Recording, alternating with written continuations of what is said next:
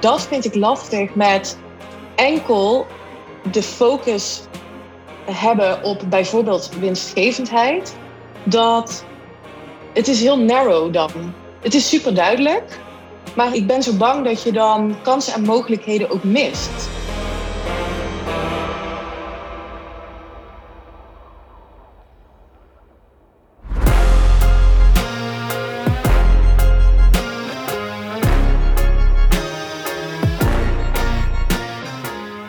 Misschien ken je Eline Haaks van ons eerdere gesprek in deze podcast. Als je dat gesprek nog niet beluisterd hebt, zoek even bijvoorbeeld in Spotify op Suzanne van Schaik, Eline Haaks. Dan komt die aflevering zeker boven. En ik heb met Eline besloten om daar een vervolg aan te geven. Bij deze. En daar was een aanleiding voor. Want een aantal weken geleden schreef Eline een post op eh, LinkedIn. Ik zal je eventjes wat context geven, zodat je weet wie is Eline dan? Nou, zij is een inspirerende ondernemer en business mentor die zich helemaal heeft uh, toegewijd aan de kwantumfysica, zeg ik even in mijn woorden. En die quantum ehm, leaders in de dop helpt om quantum leadership ook echt te belichamen. Nogmaals, mijn woorden. En uh, ze deelt daar veel content over, waaronder dus laatst die post op LinkedIn die mijn nieuwsgierigheid wekte.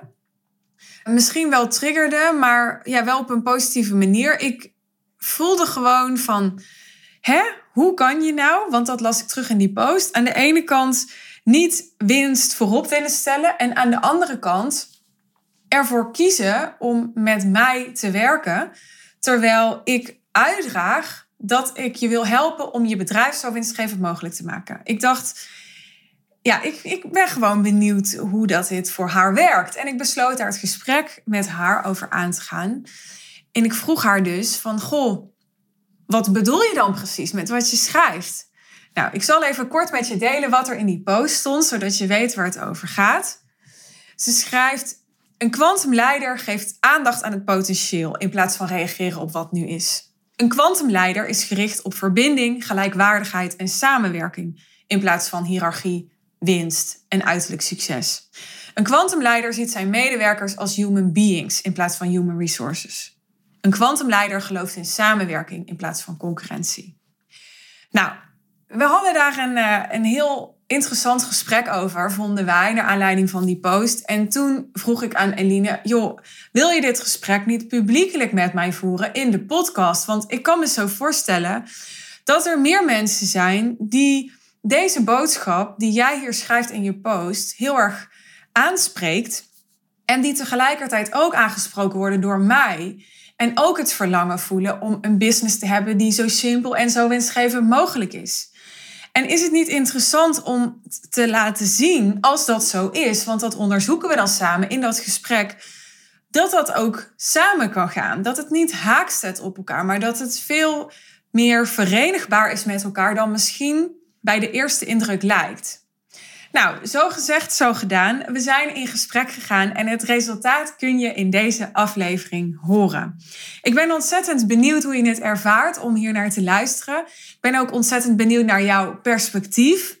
Dus als je je geroepen voelt om die te delen met mij en of Eline, ik zal zorgen dat het Instagram en LinkedIn-account van Eline in de show notes staan, zodat je weet hoe je ook haar kunt bereiken. We horen heel graag van je. Voor nu wens ik je veel luisterplezier. Hier komt mijn gesprek met Eline Haaks. Eline, welkom terug in de podcast. Dank je, Suus. Mooi om hier weer te zijn. Ja, mooi dat je er bent. Was je de vorige keer al in Portugal toen we podcasten? Nee, dat nee? Is, uh, nog daarna is dat gebeurd. Oh. Ik weet het niet meer precies, trouwens, nu je het zegt. Ik zou het niet weten. Wanneer was het? Oktober? Ik weet het ook niet meer. Zou goed kunnen, oktober. Ja. ja, dan net. Het was in ieder geval wel in die reurige periode van de verhuizing. Dat weet ik wel nog. Ja. Nou, in ieder geval voor de luisteraar, jullie zien dat niet, er is geen beeld bij, maar ik zit hier naar een uh, zonnige Eline te kijken in Portugal, want Eline woont in uh, Portugal. Daar uh, ja, daar heb je al een en ander over verteld dat dat een droom van jou was in de vorige aflevering die we samen opnamen.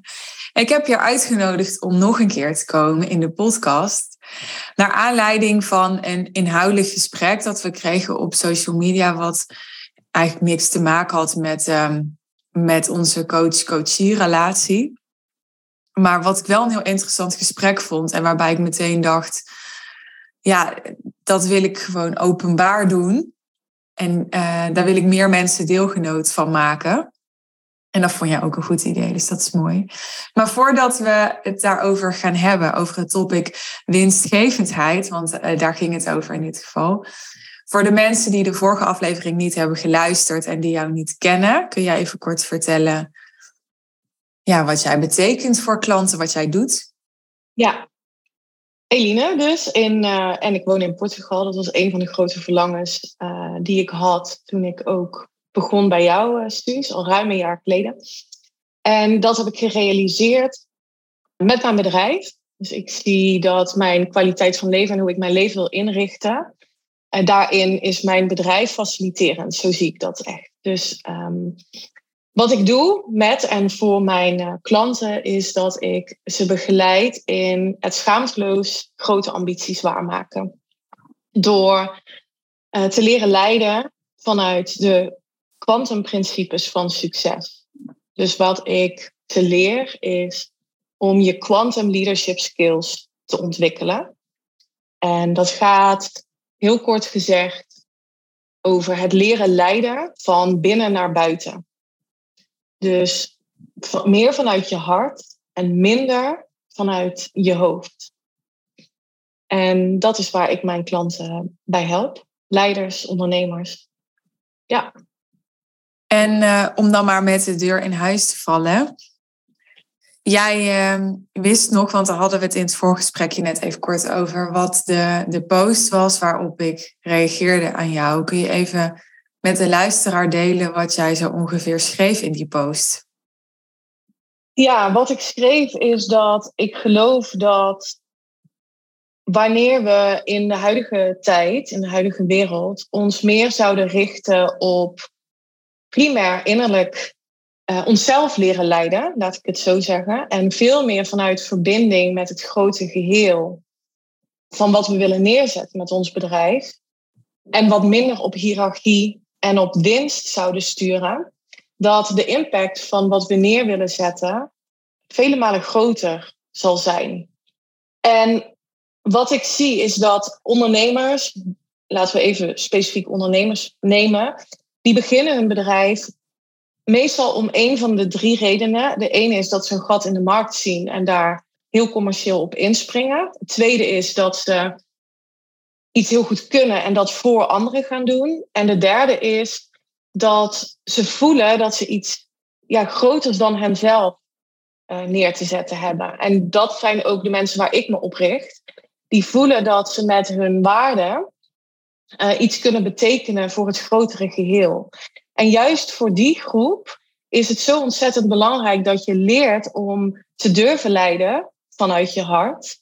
Waarbij ik geloof dat als je dat doet vanuit die verbinding met wat je neer wil zetten, dat winstgevendheid een inherent gevolg daarvan is. Het is gewoon logisch dat je heel veel geld gaat verdienen, omdat je leidt vanuit je hart. En het stimuleert, ik geloof echt dat deze vorm van leiden ook het uh, filantropisch kapitalisme stimuleert. Oftewel heel veel geld willen verdienen om een grotere bijdrage te kunnen leveren aan de wereld. Nou, hier zit al zoveel in waar ik op kan reageren. Maar laat ik dan even dat laatste eruit halen. Filantropisch kapitalisme, dat vind ik een hele mooie term.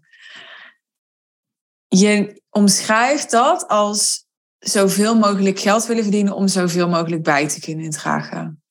En dan denk ik, oké, zoveel mogelijk geld willen verdienen, is dat dan niet zo winstgevend mogelijk willen zijn? Hoe zie je dat dan? Ja, dat is mooi. Zeker wel. En ik geloof heel erg dat zo winstgevend mogelijk willen zijn om een bijdrage te kunnen leveren, om dat weer terug te kunnen geven, dat is eigenlijk waar filantropisch kapitalisme over gaat. En dat is in jaren geleden is dit, dat, dat hele stuk in gang gezet door Bill Gates. Die ja, zich afvroeg, wat moet ik eigenlijk met dat geld? En op reis ging uh, en daar, ik, het was een Afrikaans land uit mijn hoofd, en daar zag hoe de wereld eigenlijk, of de mensen daar aan struggelen waren en, en ook heel veel potentie hadden. En dacht, ja, daar wil ik iets aan bijdragen. Dus zeker is winstgevendheid zo belangrijk om daar naar te kijken, omdat je daarmee ja, meer geld um, kunt delen. Alleen waar ik, en, en dat is waar wij het gesprek over hadden, gaat de focus op winstgevendheid je meer winstgevendheid brengen. Ja. En dat is niet wat ik geloof. Ja. De focus op de impact die je wilt maken. Daarvan geloof ik dat dat een positief effect heeft op je winstgevendheid. Dus dat is het vraagstuk die, dat centraal staat, deze aflevering. Gaat de focus op winstgevendheid je meer winstgevendheid brengen? Ja. Nou ja, als een uh, business coach die uh, het al jaren heeft over zo winstgevend mogelijk, vind ik het best wel interessant als iemand zegt: Ja, je gaat zo winstgevend mogelijk zijn als je niet zo winstgevend mogelijk wilt zijn. Want dat hoorde ik er soort van in. Ja. En steeds merk ik dat ik, dat ik er niet helemaal grip op krijg. Dus daarom vind ik het leuk dat we nu gewoon uitgebreide tijd hebben om het erover te hebben. Maar voordat we dat doen, wil ik ook nog even inhaken op iets anders wat je net zei. Want je had het over drie redenen, drie motieven waarom mensen ondernemer worden, die jij ziet. Ehm, daar hebben we het uh, eerder in ons gesprek ook al over gehad. En toen zei ik, ja, ik zie eigenlijk vooral ook heel veel mensen om me heen die uh, een verlangen hebben naar vrijheid en daarom ondernemer worden. En die soms letterlijk ja, opgebrand zijn in een systeem. En denken, ja, dan moet ik het dus maar zelf gaan doen als ik niet in het systeem pas. En terwijl ik dit zeg, denk ik, was ik er daar zelf ook een van? Ben ik er daar zelf ook een van? Ja en nee. Ik denk dat ik, nou, ik denk het niet alleen. Ik weet zeker dat ik uh, ook behoorlijk ben vastgelopen in het systeem. Maar ik weet ook zeker dat als dat niet zo was geweest, dat ik ook ondernemer was geworden. Omdat ik ja, groter denk dan dat ik kwijt kon in een baan. Kwijt had gekund in een baan of in een meer ja, lineaire carrière. Maar goed, dat gaat over mij. Dat, dat maakt verder niet uit voor de luisteraar. Maar mocht de luisteraar mij kennen en uh, zich dit afvragen, dan heb ik dat nu toegelicht. Maar hoe kijk jij naar de motivatie om vooral ook vrijheid te willen creëren als ondernemer? Ik denk dat het belangrijk is om je definitie van vrijheid helder te hebben. Dus wat betekent vrijheid voor jou? En geloof je dat je dat met je onderneming kunt realiseren? Ik zie dat ook wel als een tussen haakjes gevaar om te denken dat ondernemerschap uh, vrijheid betekent. Ik vind dat voorwaardelijk. Ik vind dat je dan uh, iets externs uh, laat bepalen of jij vrijheid ervaart. En ik kan het me ook goed voorstellen dat het primair wel een drijfveer is, omdat je zelf kunt bepalen wanneer, uh, met wie je werkt. Um, en dat dacht ik ook. En dat is ook hoe, hoe ik het ervaar. En het is niet waar vrijheid voor mij over gaat. Het gaat voor mij over dat ik 100% mezelf durf te zijn en mijn visie en standpunt durf te delen. Schaamteloos. En ook schaamteloos durf te zeggen, en daar zit echt een belangrijke nuance, denk ik. Ik wil gewoon heel veel geld verdienen. Dat is ook de reden waarom ik destijds bij jou ben ingestapt, juist vanwege dat winstgevendheidsaspect. En om die grote ambities ook waar te maken. En daar zit voor mij de vrijheid, dat ik mezelf die toestemming geef om ja, met te uiten, om een visie te delen. En niet zozeer in ja, de praktische uitwerking van het ondernemerschap. En vind jij daarmee ook dat als je dus zoekt naar die externe manieren om vrijheden te verwerven, ja, dat, dat je die dan niet in het ondernemerschap moet willen vinden? Mooie vraag. Ik denk, ik denk dat ondernemerschap een middel is om vrijheid te ervaren. Uh, en ik denk, ik denk dat je dat, dat gevoel van wat je hoopt te krijgen als je start als ondernemer, dat je dat nu ook al kunt voelen. Dat je dat nu ook al kunt ervaren. En dat is natuurlijk het hele, of natuurlijk, dat, dat, dat is voor mij natuurlijk omdat ik me hierin begeef, maar dit is het kwantumprincipe van succes. Dat je wat je wilt neerzetten met je bedrijf, dat je dat nu al ervaart. Dat je nu al kunt invoelen op dat gevoel van vrijheid, wat het voor jou dan betekent. En dat vraagt dus introspectie, want het is super belangrijk om voor jezelf helder te krijgen wat dat dan betekent. Je kan niet zeggen, oh, ik, ben, ik ga een onderneming starten en dus ga ik vrijheid ervaren. Dat is maar helemaal afhankelijk van wat het voor jou betekent. Hoe is dat voor jou? Is dat voor jou de belangrijkste drijfveer geweest destijds om te starten? Vrijheid? Nee, nee, helemaal niet eigenlijk. Ik, uh, niet vrijheid als in uh, vrijheid in tijd of vrijheid in uh, ja, zelf kunnen bepalen hoe laat mijn wekker gaat of zo. Het is ook zo dat ik nu nog behoorlijk binnen kantoortijden werk en daar heb ik ook nooit een probleem gevonden om dat te doen.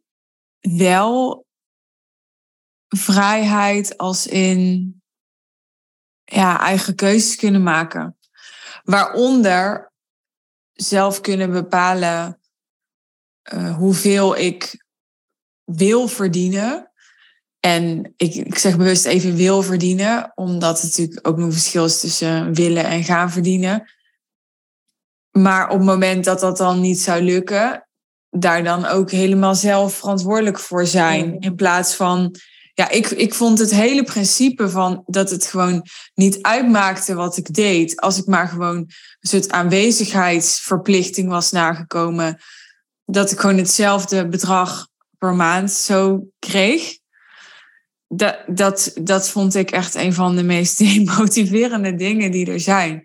Ik vind het echt best wel knap dat ja, dat heel veel mensen in loondienst helemaal niet gedemotiveerd zijn. En, uh, maar ik, uh, ik ging daar niet harder van lopen. Nee. nee, dat herken ik ook wel. Wat was wel jouw drijfveer? Nou, er is bij mij nooit zo'n moment geweest. En als die er al waren, dan waren er meerdere momenten dat ik bedacht ik wil ondernemer worden. Of dat ik besloot, ik ga ondernemer worden. Omdat ik het eigenlijk op mijn 16e, 17e al was.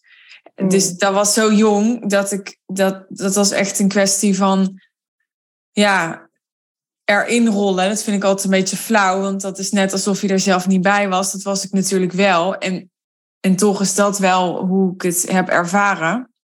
En toen heb ik wel later nog twee jaar een baan gehad. Maar er was meer andersom dan hoe andere mensen doen. Dus de meeste mensen hebben natuurlijk jarenlang een baan. En dan gaan ze een soort side hustle ernaast doen voor henzelf. En ik was zelfstandig en ik dacht op een gegeven moment... Ik vind het gewoon raar als ik nooit zal weten hoe het is om een normale baan te hebben, afgezien van een bijbaantje die je hebt op school, weet je wel, maar gewoon normale grote mensenbaan, om het zo maar te zeggen. en ik dacht, dan gaat er altijd iets in mij zijn, zoals mensen kunnen denken, uh, ja, had ik maar ervoor gekozen, weet je wel, om het, om, om, had ik maar de moedige keuze gemaakt om voor mezelf te beginnen. Zo was er in mij iets van, dan zal ik altijd zoiets hebben van, ja, had ik maar ook ervaren hoe dat was. Want ik sloot toch niet uit dat, dat ik het misschien wel heel lekker zou vinden met collega's en in structuur. Ik hou best wel erg van structuur, van duidelijkheid. Ik heb ook niet per se een autoriteitsprobleem of zo. Dus ik vind het prima als iemand zegt, dit moet je doen, over het algemeen. Tenzij ik echt denk van, nou, ik zie echt helemaal het nut hier niet van in. Maar over het algemeen vind ik het eigenlijk wel lekker als mensen gewoon uh, mij leiden en zo. Dus ik was helemaal niet anti het is meer dat ik was gewoon een andere kant op gegaan. En op een gegeven moment dacht ik, ja, ik wil dat ook wel ervaren. En dat heb ik toen twee jaar gedaan. En toen wist ik ook heel zeker, nou ja, moet wel heel gek gaan, wil ik hier ooit naar teruggaan. En niet dat ik gillend wegrende, maar toen, toen twee jaar was voor mij echt lang genoeg. Ik heb twee jaar parttime toen een baan gehad. Drie en vier dagen. Ja, vier dagen was niet heel erg parttime, maar ik deed nog heel veel naast, dus voelde wel parttime. Ik had ook geen kinderen en zo nog, dus um, ik had ook heel veel tijd, zeg maar, toen. En um, ja, ik wist dus na twee jaar, ik, uh, ik heb het goed geprobeerd en het is het niet. Hmm. Ja. En ook wel omdat um, ik altijd heb gedacht, heb gezien eigenlijk, dat je als zelfstandige zoveel makkelijker, zoveel meer geld bij elkaar kan sprokkelen. En dat vind ik gewoon een leuk spelletje. Mm. Ja, nu doe ik een beetje alsof ik het niet serieus neem. Dat neem ik wel, maar het is ook een beetje een spelletje voor mij. Ja, ja dat herken ik ook. Ja, heel erg. Ja, ja en zeker op het moment dat je op een punt komt waar je die, die winstgevendheid um, meer ervaart, of in ieder geval daar, en daar vind ik ook nog wel een belangrijke nuance in te maken, dat het duurzaam is, um, dan is het ook makkelijker om te experimenteren.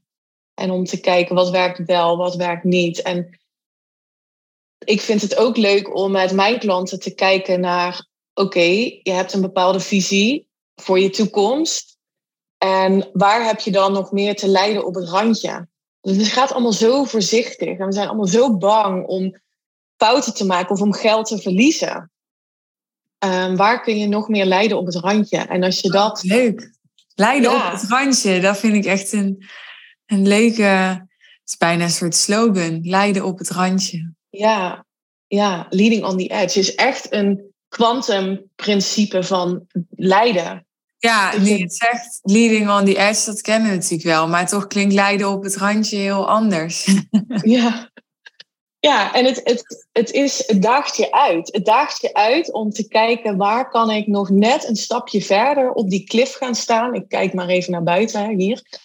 Waardoor ook mijn horizon verbreedt. Dus waardoor ik nog meer zie. En dat vind ik lastig met enkel de focus hebben op bijvoorbeeld winstgevendheid dat het is heel narrow dan. Het is super duidelijk, maar ik ben zo bang dat je dan kansen en mogelijkheden ook mist.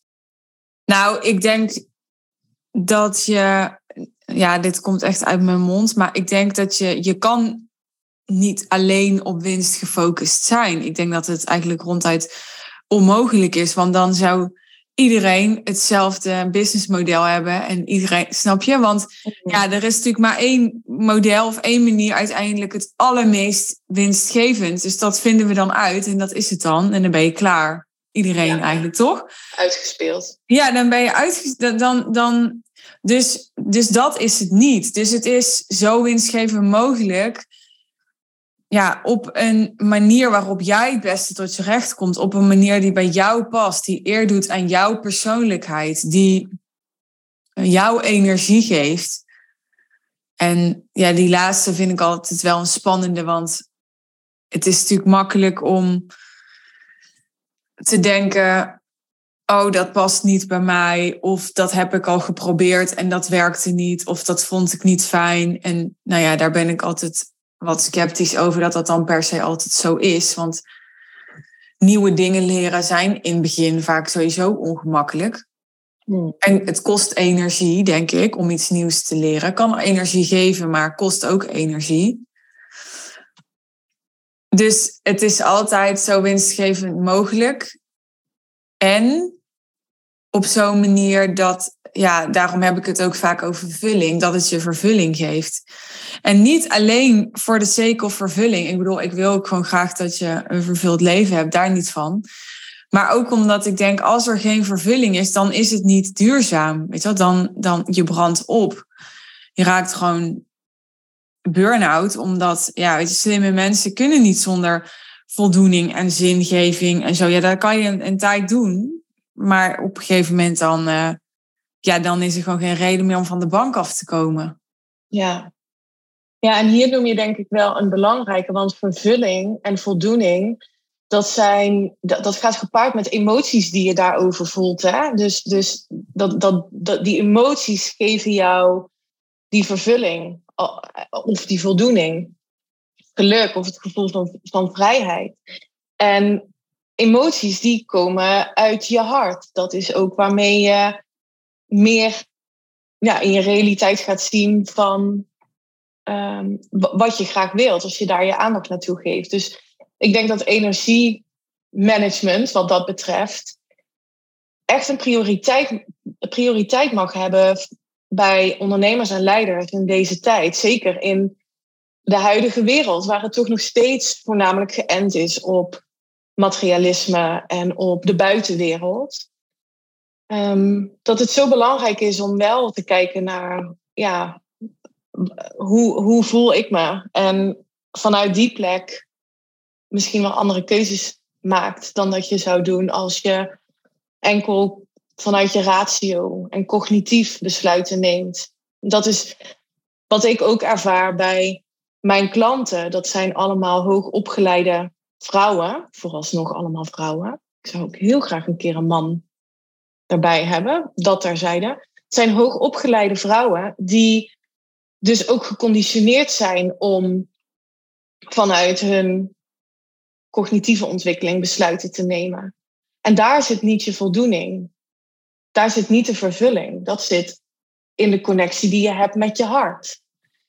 Dus ik ben het helemaal met je eens. En ik denk juist dat die vervulling, dat dat leidend mag zijn. En dat je vanuit die plek keuzes gaat maken die ervoor zorgen dat je winstgevendheid groeit. Optimaler wordt. Ja, en als je dit zegt, dan denk ik ook meteen, maar volgens mij zijn er heel veel mensen, is het merendeel van de mensen toch nog geneigd om keuzes te maken die misschien wel vervulling of voldoening geven, maar niet winstgevend zijn. Want waarom stoppen anders zoveel beginnende ondernemers weer binnen drie jaar, vijf jaar? Dat heeft toch vaak te maken met dat ze het financieel niet redden.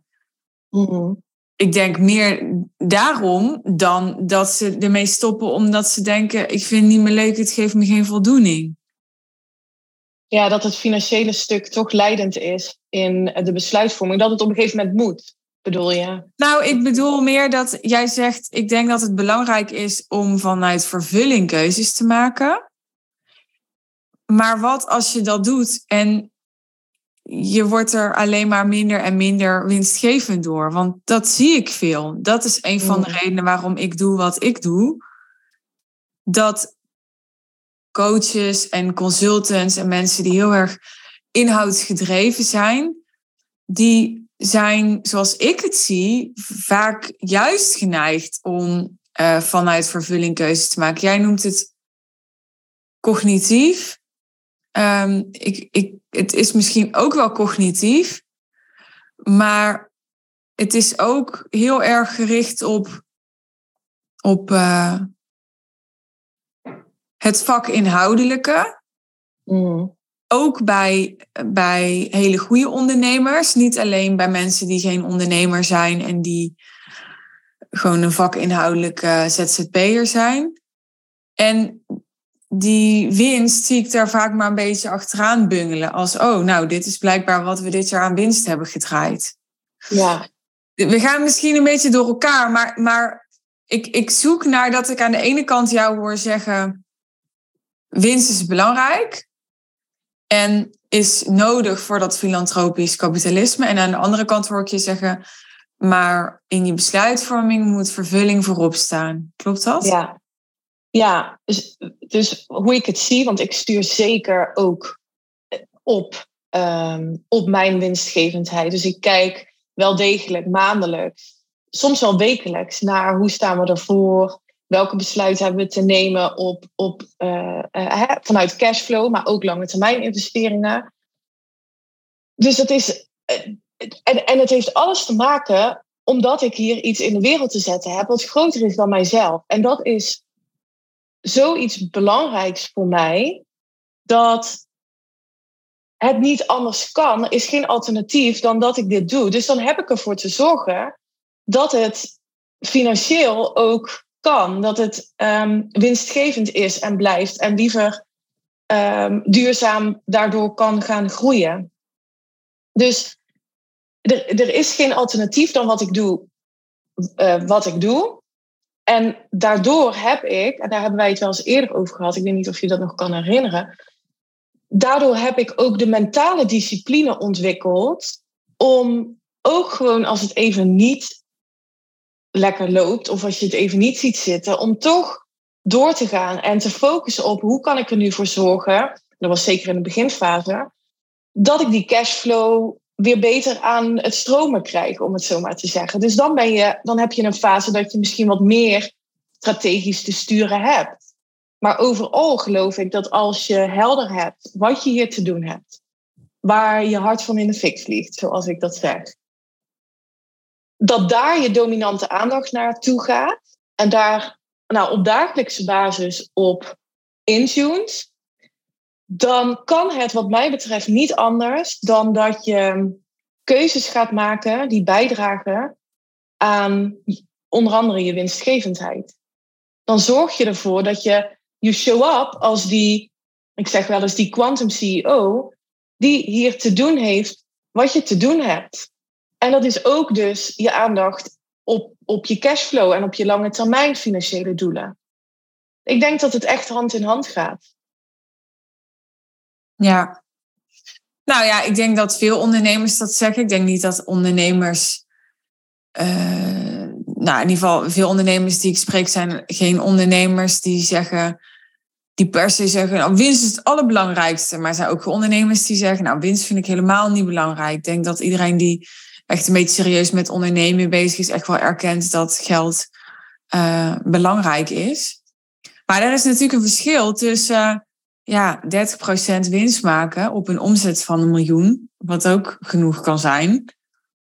Uh, en uh, eh, 70 of 80% winst maken. Dus dat we winstgevend moeten zijn, daar zijn we denk ik allemaal wel met elkaar over eens. Maar er is natuurlijk een verschil tussen winstgevend zijn en zo winstgevend mogelijk. Hoe zie je dat dan? Ja, voor mij is dat belangrijk zonder dat, het, uh, dat ik daarin concessies doe in de kwaliteit van mijn aanbod. Hè. Daar hebben we het ook over gehad uh, toen we het over dit onderwerp hadden. Daar zit natuurlijk ook een spanningsveld. Je kan, ik kan superveel snijden, nog steeds, hoewel ik denk ik best wel een simpel ingericht bedrijf heb, wat uh, nu duurzaam groeit dankzij hè, de, de stappen die wij ook samen hebben gezet. En ik denk dat ik op, op, op sommige stukken nog echt wel efficiënter kan kijken naar uh, mijn kosten. En de vraag is ook, wil ik dat? Is dat een, is dat, ja, dus, dus wanneer is zo winstgevend mogelijk? Nog geeft dat ook voldoening?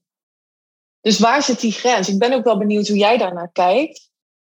Waar, waar zit voor jou de grens in zo winstgevend mogelijk, zonder concessies te doen aan je kwaliteit? Ja. Nou, ik had het eerder over een spelletje. En, en dat zie ik ook wel echt als spelletje. Dat creëert ook aan de achterkant bij mijn team best wel vaak een spanningsveld. Want um, wat ik dus eigenlijk vraag van mezelf en, en van van iedereen is het maximale voor het minimale. Dus ik ben eigenlijk gericht op zo luxe mogelijk, zo efficiënt mogelijk, zo effectief mogelijk, zo ja, servicegericht mogelijk, zo persoonlijk mogelijk, zo, zo, nou, noem het maar op. En uh, dat allemaal tegen nou, als ik het even heel plat zeg, zo laag mogelijke kosten. En dat is niet altijd sympathiek, daar ben ik heel eerlijk over. Want ja, als je, als je dat even heel onaardig en simpel zou omschrijven, dan noemen ze dat ook wel het onderste uit de kan willen halen in Nederland. Maar dat is eigenlijk wel uh, wat ik aan het doen ben. Daar ben ik gewoon heel eerlijk over. Dus ik probeer om het, om het zo simpel en zo efficiënt en het zo effectief mogelijk te houden. Maar ook om het duurzaam te laten zijn. Want Mm. ik bedoel, anders dan zou ik ook zomaar elke klant kunnen aannemen omdat het geld oplevert. Maar als ik zomaar elke klant aanneem zonder ja, selectief te zijn in of dat het passend is om met die klant te werken. Ja, even los van dat het niet erg ethisch zou zijn, maar is het ook niet duurzaam? Want je gaat geen resultaten halen, je krijgt geen goede naam, je gaat dus ook geen goede eh, testimonials krijgen. Dus het, het, het gaat zo stroef lopen als ik weet niet wat.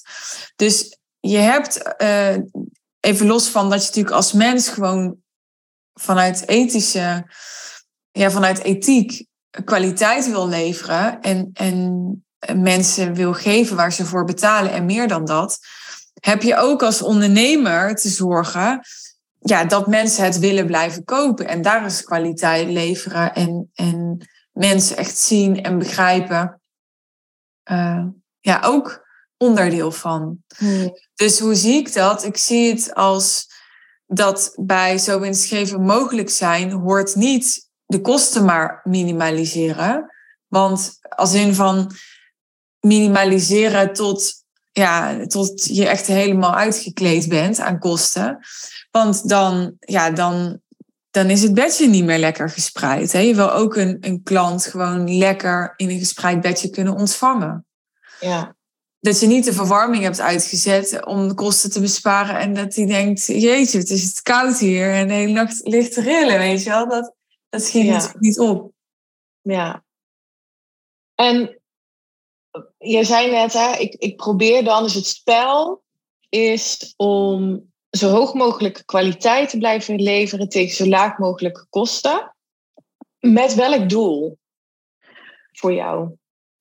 Met het doel dat we dezelfde of meer, ja, ik zou eigenlijk willen zeggen meer, maar minimaal dezelfde waarde blijven leveren en impact gaan maken als ondernemers. Maar ik had zonder het model wat ik hanteer nooit deze impact kunnen maken. Dus voor mij het veel meer. En ik weet eigenlijk wel zeker voor mijn klanten ook. Maar goed, laat ik het veilig formuleren. Dat we minimaal dezelfde impact kunnen maken en waarde kunnen leveren. Maar dat we daar zelf veel meer aan overhouden.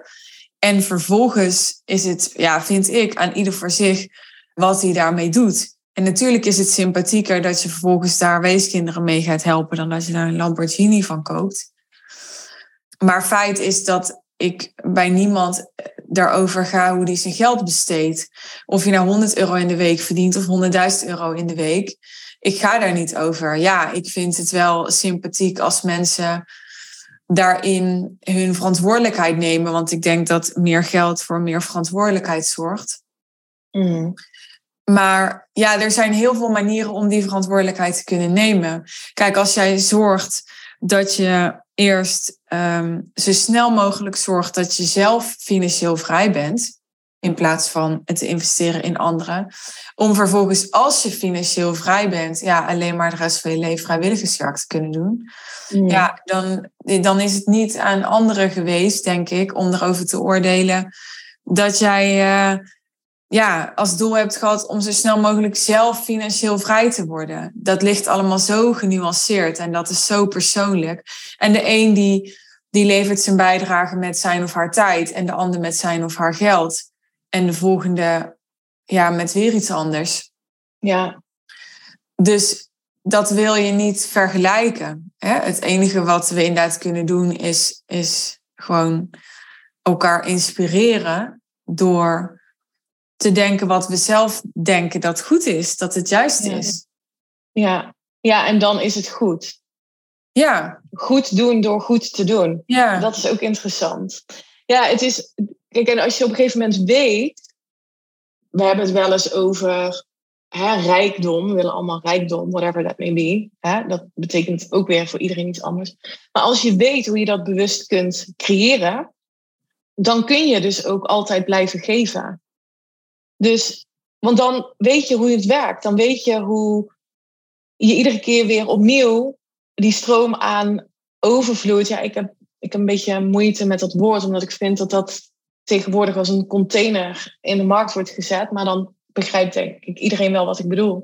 Als je weet hoe je overvloed kunt creëren zelf, ja, dan kun je dus ook blijven geven. En dat draagt bij aan een gevoel van ook van voldoening. En dan draag je denk ik bij aan een ja, de welzijnseconomie, waar we volgens mij steeds meer naartoe groeien met z'n allen. En dat vind ik mooi aan ja, gewoon zo snel mogelijk heel veel geld gaan verdienen. En natuurlijk koop ik daar. er staan genoeg dingen op mijn verlanglijstje, waaronder bijvoorbeeld wel een mooie auto. Vind ik ook belangrijk. Dus het is niet zo dat, ja, dat, ik, dat ik alleen maar geld wil verdienen omdat, om het dan vervolgens uh, als een soort van Robin Hood weg te gaan geven. Daar gaat het helemaal niet over. Maar ik denk dat, dat. Ja. Ook voor een auto geldt. Ik bedoel, het is niet aan ons om daarover te oordelen wat die auto voor jou betekent. Kijk, voor sommige mensen betekent het marketing voor hun bedrijf. Voor sommige mensen betekent het dat ze elke keer als ze in die auto rijden, ja, zich zo enorm goed voelen met alle positieve gevolgen van dien. En voor sommige mensen betekent die auto een levensles, namelijk ze hebben die auto gekocht en na twee weken merken ze, nou, het betekent nu al helemaal niks meer. En al die dingen kunnen bijdragen aan, ja, aan onze wereld en onze maatschappij. Dus ik vind het altijd lastig als mensen zo enorm ja, tegen die materie aan uh, schoppen. Omdat ik denk, ja, maar die heeft ook een functie, snap je? En ik snap ook wel dat, nogmaals, dat de ene tijdsbesteding en de ene financiële besteding sympathieker is of sympathieker lijkt dan de ander. Maar je weet het gewoon niet. Je kunt er gewoon niet achter kijken. Nee. En daarom is iedere keer weer blijven verbinden met wat vrijheid of zo winstgevend mogelijk voor jou betekent. Het is iets wat alleen maar jij kunt bepalen en waar jij op in mag leiden. En ja, dat, dat maakt alleen al dat we weg mogen, hoeven te blijven van die oordelen. Weg mogen blijven van die oordelen omdat het, het is niet relevant. En het draagt zeker niet bij aan je eigen winstgevendheid, zeg maar. Nee. En nou had jij het in die post over focus af van winst en van hiërarchie. Ja. Dus laten we het ook dan nog even over die hiërarchie hebben. Want wat is er mis met hiërarchie? Of focus op hiërarchie? Dat is misschien iets anders. Het is vergelijkbaar met het principe van het leven vanuit oorzaak-gevolg. Dat is wat, wat voor mij hiërarchie ook is. Dus als jij heel afgebakend en heel, nou, hoe ik het zelf heb ervaren, heel overspannen hiërarchie bedrijft vanuit het geloof dat dat je bedrijf doet groeien, dan zit daar vaak weerstand op en daar zit ehm, uh, toch een ongelijkwaardigheid in. Terwijl als je de gelijkwaardigheid zou vinden in elkaar als mens en als meer zou gaan kijken naar welke talenten, welke krachten heeft iemand en hoe kunnen we die optimaal inzetten voor de doelen die wij hebben als bedrijf. Ik denk dat dat beter werkt dan heel afgebakend kijken naar functieprofielen en afvinken wanneer iemand wel of niet voldoet aan de eisen. In plaats van dat je, en daarmee dood je denk ik ook iemands creativiteit en iemands verantwoordelijkheid en eigenaarschap wat iemand kan nemen voor zijn rol. In mijn baan in loondienst, way back, zijn wij door zo'n transitie gegaan om ja, weg te gaan van dat stuk hiërarchie en vanuit rollen te gaan werken. En ook het hele stuk van vakantiedagen bijvoorbeeld los te laten. Dus dat je echt iemand volledig in zijn verantwoordelijkheid zet en zelf laat bepalen wanneer je wat doet en hoe je je doelen bereikt. En nu, kan, nu begrijp ik heus wel dat dat niet voor iedere branche of sector zou kunnen. Ehm, maar mijn oproep is eigenlijk vooral, laten we nou kijken waar wij als leiders van een bedrijf onszelf niet zo belangrijk maken. En wat meer kijken naar de, ja, het intellectuele kapitaal binnen ons bedrijf. En dat meer aandacht geven om ons verder te brengen. Ik weet niet of dit een antwoord is op je vraag. Maar de focus afbrengen. Hiërarchie is volgens mij ontstaan vanuit een tekortgedachte. Vanuit sturing, vanuit. Ja, vanuit, vanuit tekort. En ik denk dat het belangrijker is om te gaan bewegen naar verantwoordelijkheid voor iedereen, vanuit iedereen.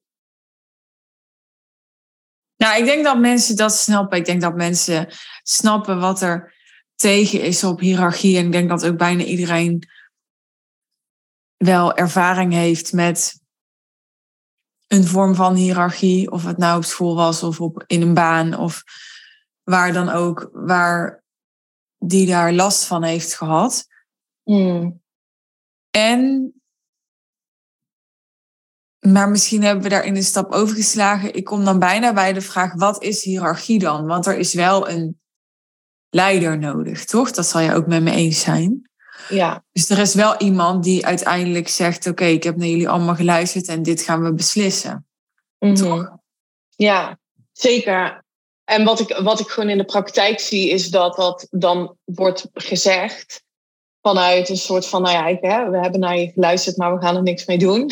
Om er maar makkelijk van af te zijn. Dus we gaan een paar sessies doen, en dit, dit heb ik zelf ervaren.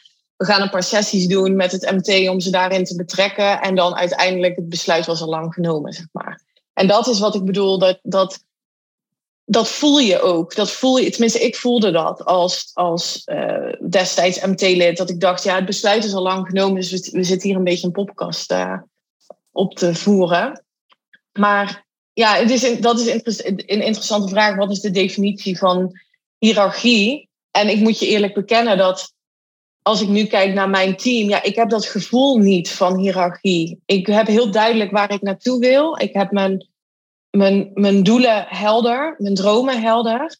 En ik vraag aan hen om vanuit hun eigen expertise met mij mee te denken in hoe dat volgens hen slimmer, simpeler, efficiënter kan. En ik vertrouw er dus op dat zij met hun genialiteit daar een antwoord op geven. Dat ik het niet allemaal zelf hoef te weten.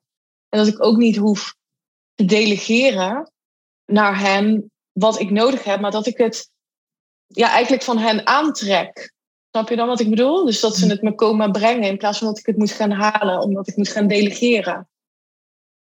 Ik denk dat er veel meer vanuit vertrouwen geleid mag worden en geluisterd mag worden. En daar zit misschien wel een eigen traumaatje nog. Ik werkte bij een bedrijf en daar was de slogan: vertrouwen is goed, controle is beter. Ja, en alleen al dat zorgt voor een drain aan, aan energie. En ook dat is dat dus echt vanuit vertrouwen leiden, is ook leiden op het randje. Maar ja, je weet het nooit helemaal zeker of het dan op de meest winstgevende of efficiënte manier gaat zijn. En dat is denk ik ook een experiment en een spel. Ja, je zei dus focus af van winst en hiërarchie en meer verschuiven naar verbinding en impact. Hè? Mhm.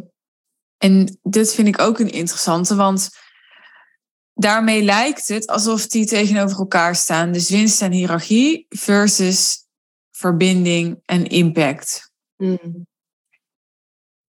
Terwijl ik denk, volgens mij, nou ja, als ik in ieder geval kijk naar mijn bedrijf, dan is verbinding daarin zeker wel ja, noodzakelijk, zou ik willen zeggen, om winstgevend te zijn. Want het is een van de dingen die ik mijn klanten ook leer.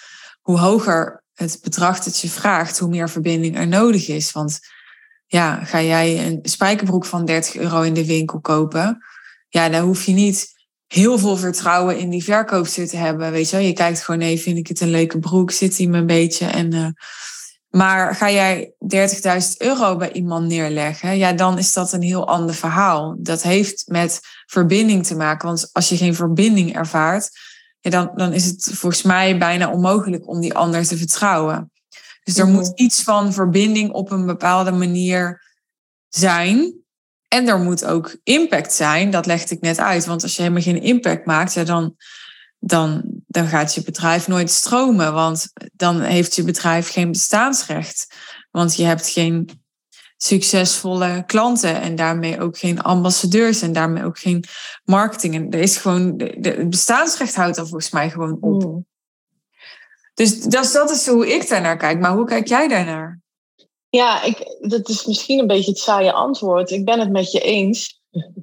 En wat belangrijk is om te benoemen, dat voor deze post, hè, waar we het nu over hebben, waarin ik dit benoem, is ook geschreven voor de doelgroep die ik aanspreek. Dus voor de leiders die iets willen neerzetten wat groter is dan hunzelf. Hè? Dus de, de dienende leiders, zeg ik ook wel eens. En ja, ik denk dat daar, met verbinding bedoel ik ook vooral verbinding met jezelf. Hè? Dus we kunnen denk ik niet verwachten dat we een bloeiend bedrijf hebben en een bloeiende wereld willen creëren, zonder dat wij zelf, of als leiders, een groot gevoel van welzijn en verbondenheid met onszelf ervaren. Want daar begint het, volgens mij. Dus dat is wat ik eerder ook zei: van ben je verbonden met ja, het, het grote geheel wat je wilt neerzetten, dan ga je ook keuzes maken richting je team, richting je financiële doelen, die daarmee in lijn zijn.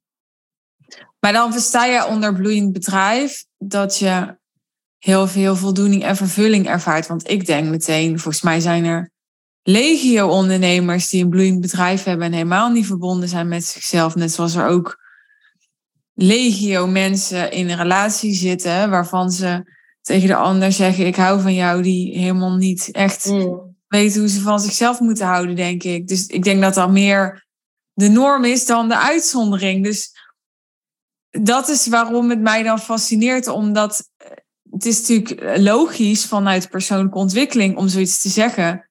En tegelijkertijd denk ik, ja, is dit echt waar? Snap je?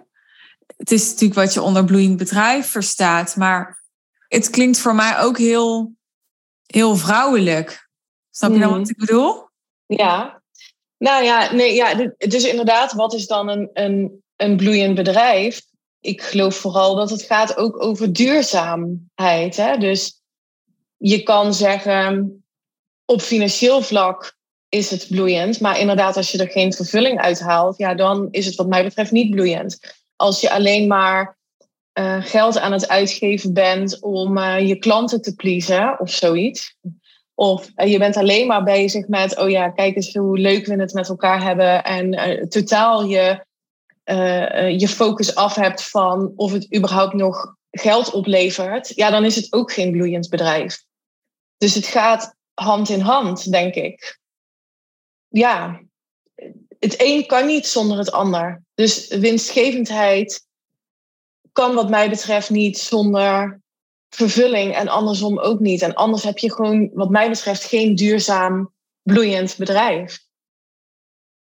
Als ik dat dan zo hoor, dan denk ik, jeetje, zo, zo klinkt het niet dat, dat, ik dat uh, jou in je schoenen schuif, maar ik denk, zo klinkt het ook wel alsof het best wel heel moeilijk is om een bloeiend bedrijf te hebben. Want je moet dus en goed zijn met geld. En je moet goed zijn met relaties, zeg maar. En je moet een, een, een goede leider zijn. En je moet goed zijn voor je klanten. En je moet, snap je, je moet.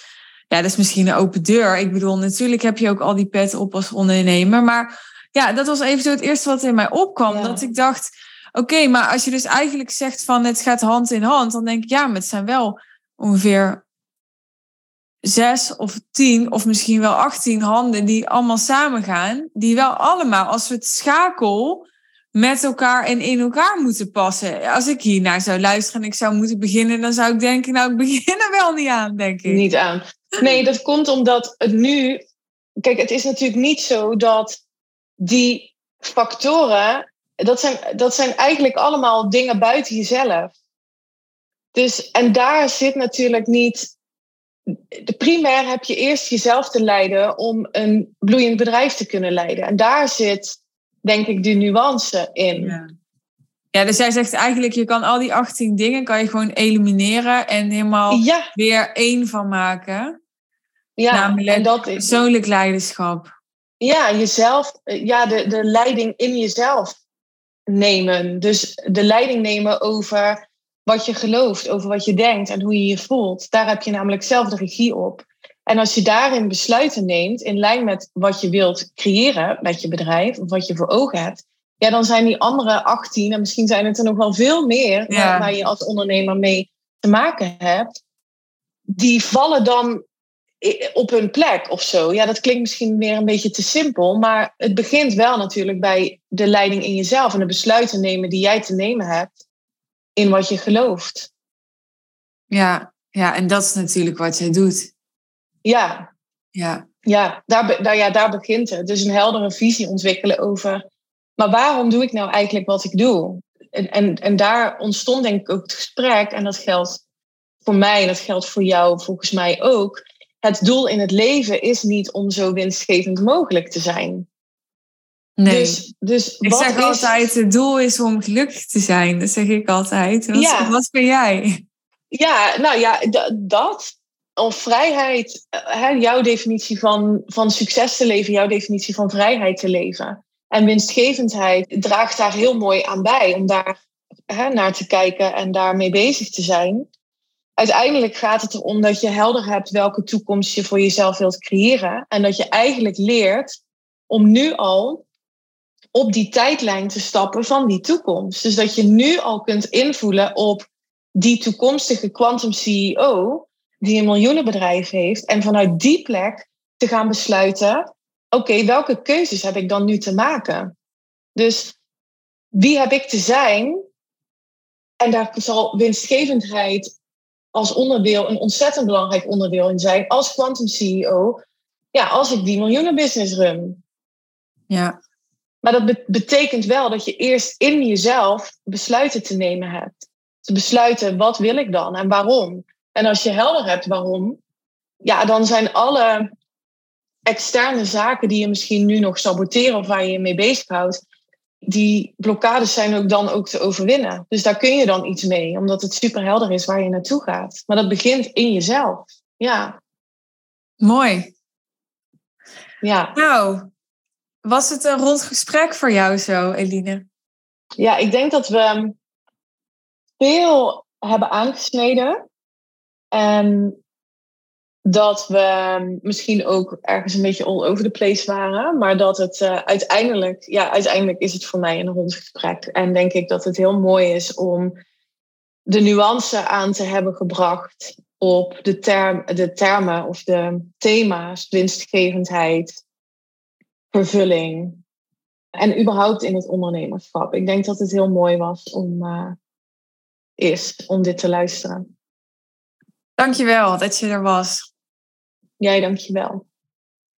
Dankjewel voor het luisteren. Ik eh, had eerlijk gezegd geen idee waar dit gesprek precies zou beginnen en zou eindigen. Ik wilde dat het een heel open, spontaan en integer gesprek zou worden. Zonder dat het eh, een bepaalde kant op moest gaan. Dat was de intentie. Ik denk dat dat is gelukt. En ik vind het mooi, ook al was dat niet per se de bedoeling, dat we elkaar heel erg hebben gevonden vanuit volgens mij twee heel verschillende perspectieven.